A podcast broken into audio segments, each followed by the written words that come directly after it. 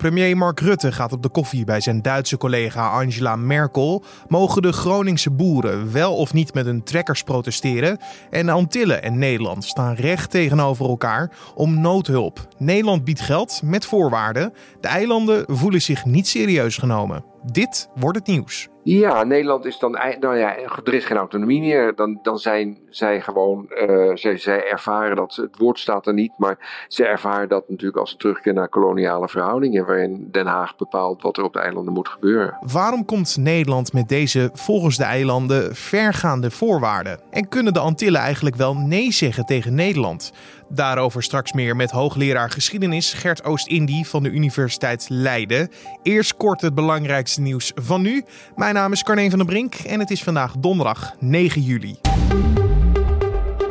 Voormalig staatssecretaris Menno Snel van Financiën wil de ouders die in de toeslagenaffaire gedupeerd zijn al vorig jaar een tegemoetkoming toezeggen. Dat meldt NRC op basis van onderzoek naar interne stukken en gesprekken met betrokkenen.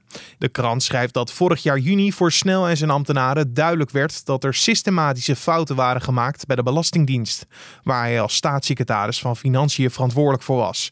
In de ministerraad zou hij steun hebben gevraagd voor toezeggen van financiële compensatie van in totaal zo'n 4 tot 7 miljoen aan de gedupeerde ouders. De ministerraad vreesde dat de belofte tot precedentwerking zou leiden. Uiteindelijk kregen de gedupeerde ouders pas vijf maanden later toegezegd dat zij een compensatie zouden ontvangen. De prestigieuze Amerikaanse universiteiten Harvard en Massachusetts University of Technology hebben de Amerikaanse president Donald Trump aangeklaagd omdat hij internationale studenten die vanwege het coronavirus enkel virtueel colleges volgen, het land uit wil zetten. Dat schrijft de New York Times. De universiteiten in de Amerikaanse staat Massachusetts noemen de maatregel vreed en roekeloos. De universiteiten huisvesten duizenden internationale studenten die niet bang zouden moeten zijn om uitgezet te worden of om hun gezondheid of veiligheid op het spel te moeten zetten om hun educatie voor te kunnen zetten. Dat zegt de procureur-generaal die de scholen bijstaat staat. Volgens de universiteiten is de maatregel politiek gemotiveerd. Door te dreigen met uitzetting zou Trump scholen onder druk willen zetten om na de zomer te heropenen. In 2019 hadden zo'n 82% van de Nederlanders wel eens verkeeroverlast in hun buurt. Dat meldt het Centraal Bureau voor de Statistiek op basis van de Veiligheidsmonitor 2019. Vooral hard rijden zorgde vaak voor overlast. Overlast door de snelheid gebeurt vaker in niet-stedelijke buurten dan in stedelijke buurten. De overlast door te hard rijden in de buurt is het grootst in Limburg. Meer dan een kwart van de Limburgers ervaart hier overlast van. Vooral in Heerlen geldt dit voor veel mensen. Inwoners van Drenthe en Overijssel hebben relatief het minste last van het verkeer. In de Servische hoofdstad Belgrado zijn woensdag opnieuw demonstranten de straat op gegaan om te protesteren tegen het coronabeleid van de regering. De betogers gingen dinsdagavond ook al de straat op nadat president Alexander Vucic na een stijging van het aantal coronabesmettingen voor komend weekend een nieuwe lockdown van Belgrado afkondigde. Politie en demonstranten vielen elkaar aan bij het parlementsgebouw en de demonstranten gooiden met stenen en fakkels. De politie zette onder meer traangas in. Meerdere mensen, waaronder zeker tien politieagenten, raakten hierbij gewond. Ook in andere delen van Servië kwam het tot confrontaties tussen politie en betogers. De Antillen hebben geld nodig vanwege de coronacrisis. Nederland staat open voor hulp, maar dat gaat wel gepaard met strikte voorwaarden. Voorwaarden waar de eilanden duidelijk niet op zitten te wachten.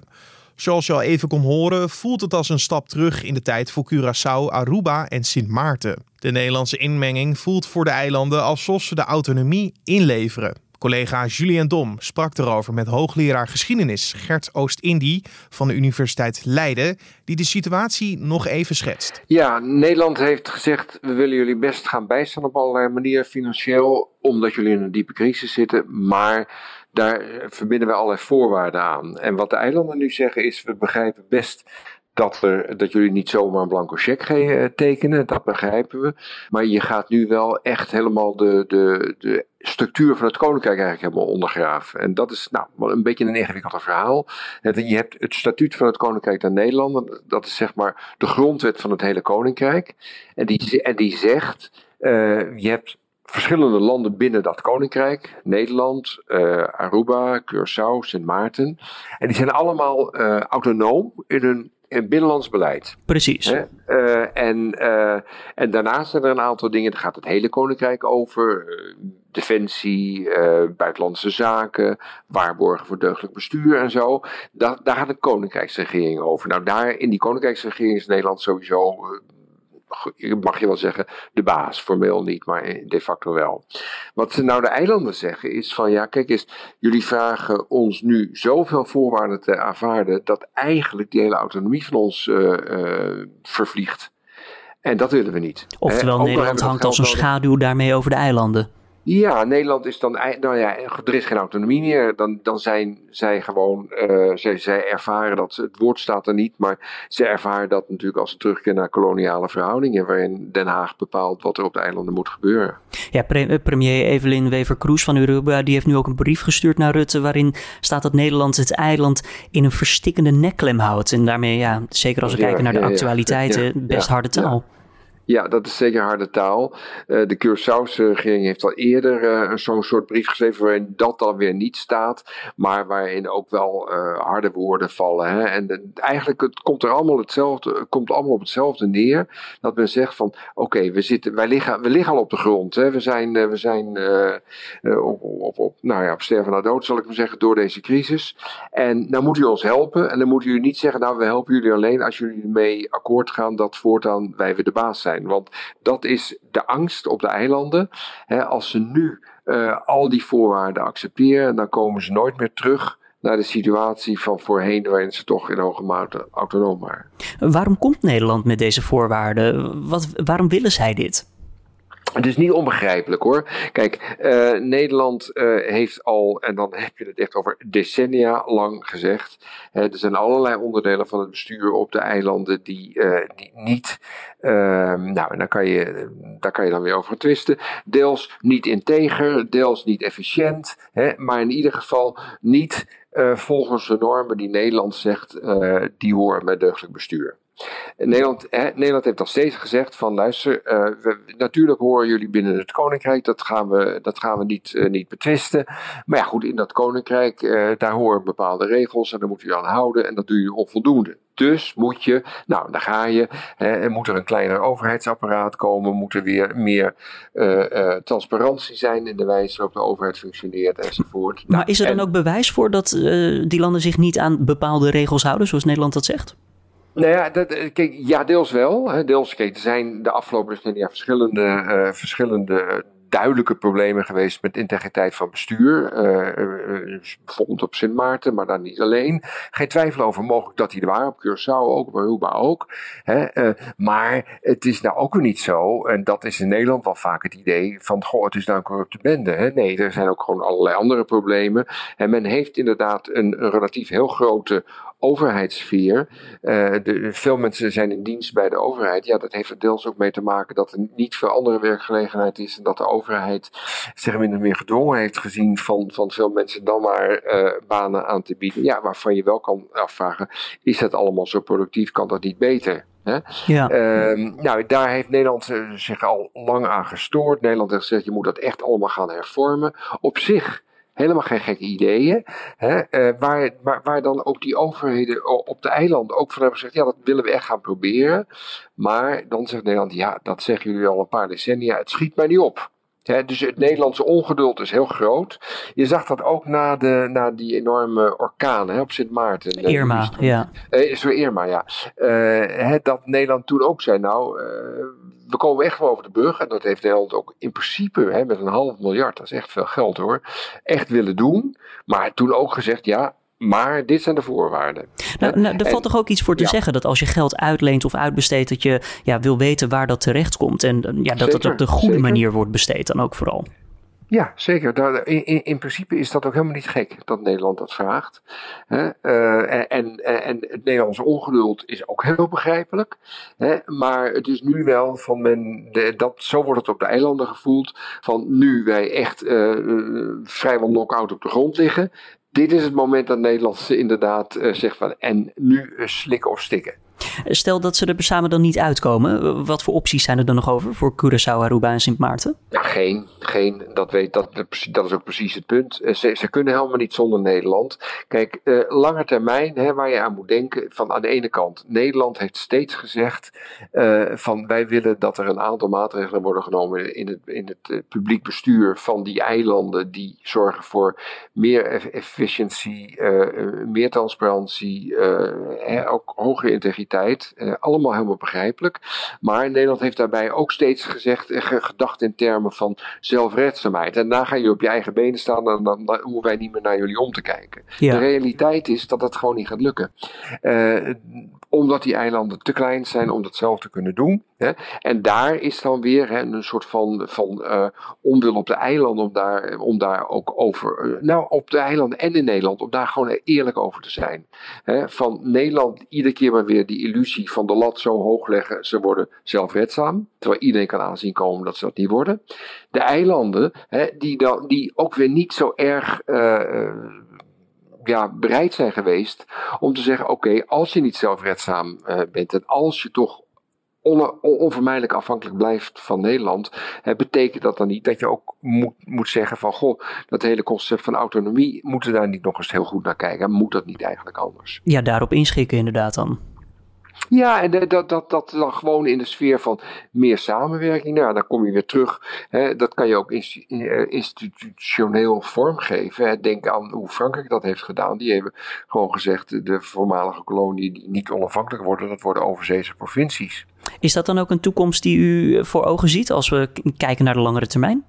Het is zeker een toekomst die, die, die heel goed denkbaar is. En in feite, hè, de kleinste eilanden, Bonaire, Saba, Sint-Eustatius, die zijn nu, ja, dat heet openbare lichamen, maar dat is al een soort van overzeese gemeentes, uh, die, uh, die dus al veel meer onder Nederlands gezag uh, staan.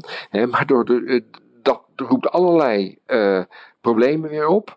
Maar één ding is zeker, een aantal van de publieke voorzieningen die worden ontzettend veel beter nu ge, ge, geregeld dan voorheen het geval was probleem voor Nederland ook, gaat wel veel meer geld naartoe. En dat is weer in Den Haag natuurlijk altijd de hete aardappel.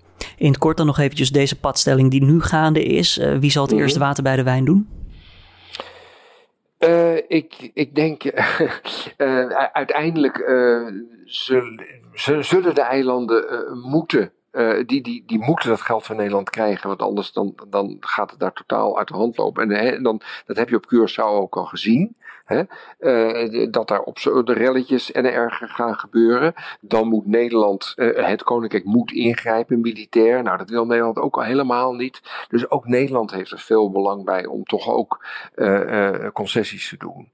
Maar je zou zeggen dat alle partijen hiervan leerden van dit, dit je kunt niet zo blijven doormodderen. Je moet echt structureel dingen anders gaan regelen onderling. Hoogleraar geschiedenis Gert Oost-Indie van de Universiteit Leiden hoorde je in gesprek met collega Julien Dom. En dan duiken we nog even in de agenda voor vandaag en dus wat je nog meer kan verwachten van vandaag. Premier Rutte brengt vandaag een bezoek aan bondskanselier Merkel in Berlijn. Het overleg is een voorproefje op de extra Europese Raad van volgende week vrijdag en zaterdag. Daarin zal worden gesproken over de nieuwe Europese meerjarenbegroting en het recente voorstel voor een Europees coronafonds. Voor dat steunpakket wil Duitsland meer uitgeven dan Nederland. Dus Merkel en Rutte hebben genoeg te bespreken.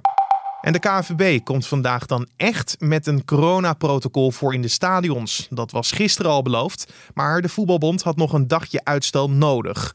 Prof voetbalclubs mogen onder voorwaarden weer publiek toelaten, maar wel met coronaregels zoals anderhalf meter afstand. Wat de clubs allemaal moeten regelen staat in de richtlijnen die vandaag alsnog verschijnen. De man, die bekend kwam te staan als de zogeheten trouwstoetmapper, hoort vanmiddag of hij een celstraf krijgt. De 26-jarige Shahid B. sloeg een politieman vorig jaar een whiplash toen de agent de overlastgevende trouwkolonne stilzette vanwege gevaarlijk rijgedrag. Het OM heeft 18 maanden cel geëist. En mogen de Groningse boeren demonstreren met hun trekkers of niet? Nee, zegt in ieder geval de veiligheidsregio die een trekkerprotest tijdelijk verbood omdat de boeren hun protesten niet vooraf afstemmen met de autoriteiten, kan dat gevaar opleveren. De boeren vinden dat onzin en stapten naar de rechter om het verbod aan te vechten. Het kort geding dient vandaag. En dan het weer voor vandaag. Het wordt opnieuw een regenachtige dag met bewolking. In de middag komt deze uit het zuidwesten en vooral in het midden en noorden valt er regen en motregen. In het zuiden valt er min regen en kan de zon af en toe doorkomen. Doordat het in het zuiden kan opklaren, kan de temperatuur zelfs oplopen tot 23 graden. In de rest van het land wordt het door de bewolking zo'n 17 graden. En om af te sluiten nog even dit. Tijdens de benefietshow Nederland voor Suriname is meer dan een half miljoen euro opgehaald. Het geld is onder meer bestemd voor medische apparatuur, beschermingsmateriaal en IC-bedden, waaraan een groot tekort is in het Zuid-Amerikaanse land. De benefietavond was een initiatief van Jurgen Rijman en Mildred Roethoff van productiehuis Human Nature Films in samenwerking met de NTR. De initiatiefnemers hopen dat ze kunnen bijdragen aan het voorkomen van een humanitaire ramp. Sinds de uitbraak van COVID-19 in Suriname zijn 665 besmettingen gemeld. 17 personen zijn er overleden aan de gevolgen van het virus.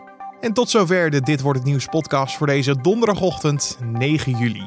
De podcast kan je helpen door vragen te sturen die wij kunnen beantwoorden, die we uit kunnen zoeken voor je. Is de nu.nl vraag iets wat wij hebben gedaan, uh, waar je misschien een vraag over hebt? Welke keuzes zijn gemaakt bijvoorbeeld? Of heb je een vraag over waarom we een bepaald onderwerp niet hebben behandeld? Of ja, heb je een suggestie voor het onderwerp? Stuur dat allemaal op naar podcast.nu.nl. Dat is ons mailadres podcast.nu.nl. Daarnaast kan je altijd een recensie achterlaten bij Apple Podcast. En deze podcast vind je in de ochtend en in de middag op de voorpagina van nu.nl en in je favoriete podcast-app. Mijn naam is Carne van der Brink. Ik wens je een hele mooie dag, ondanks de regen. Maar maak er iets moois van, dan doe ik dat ook.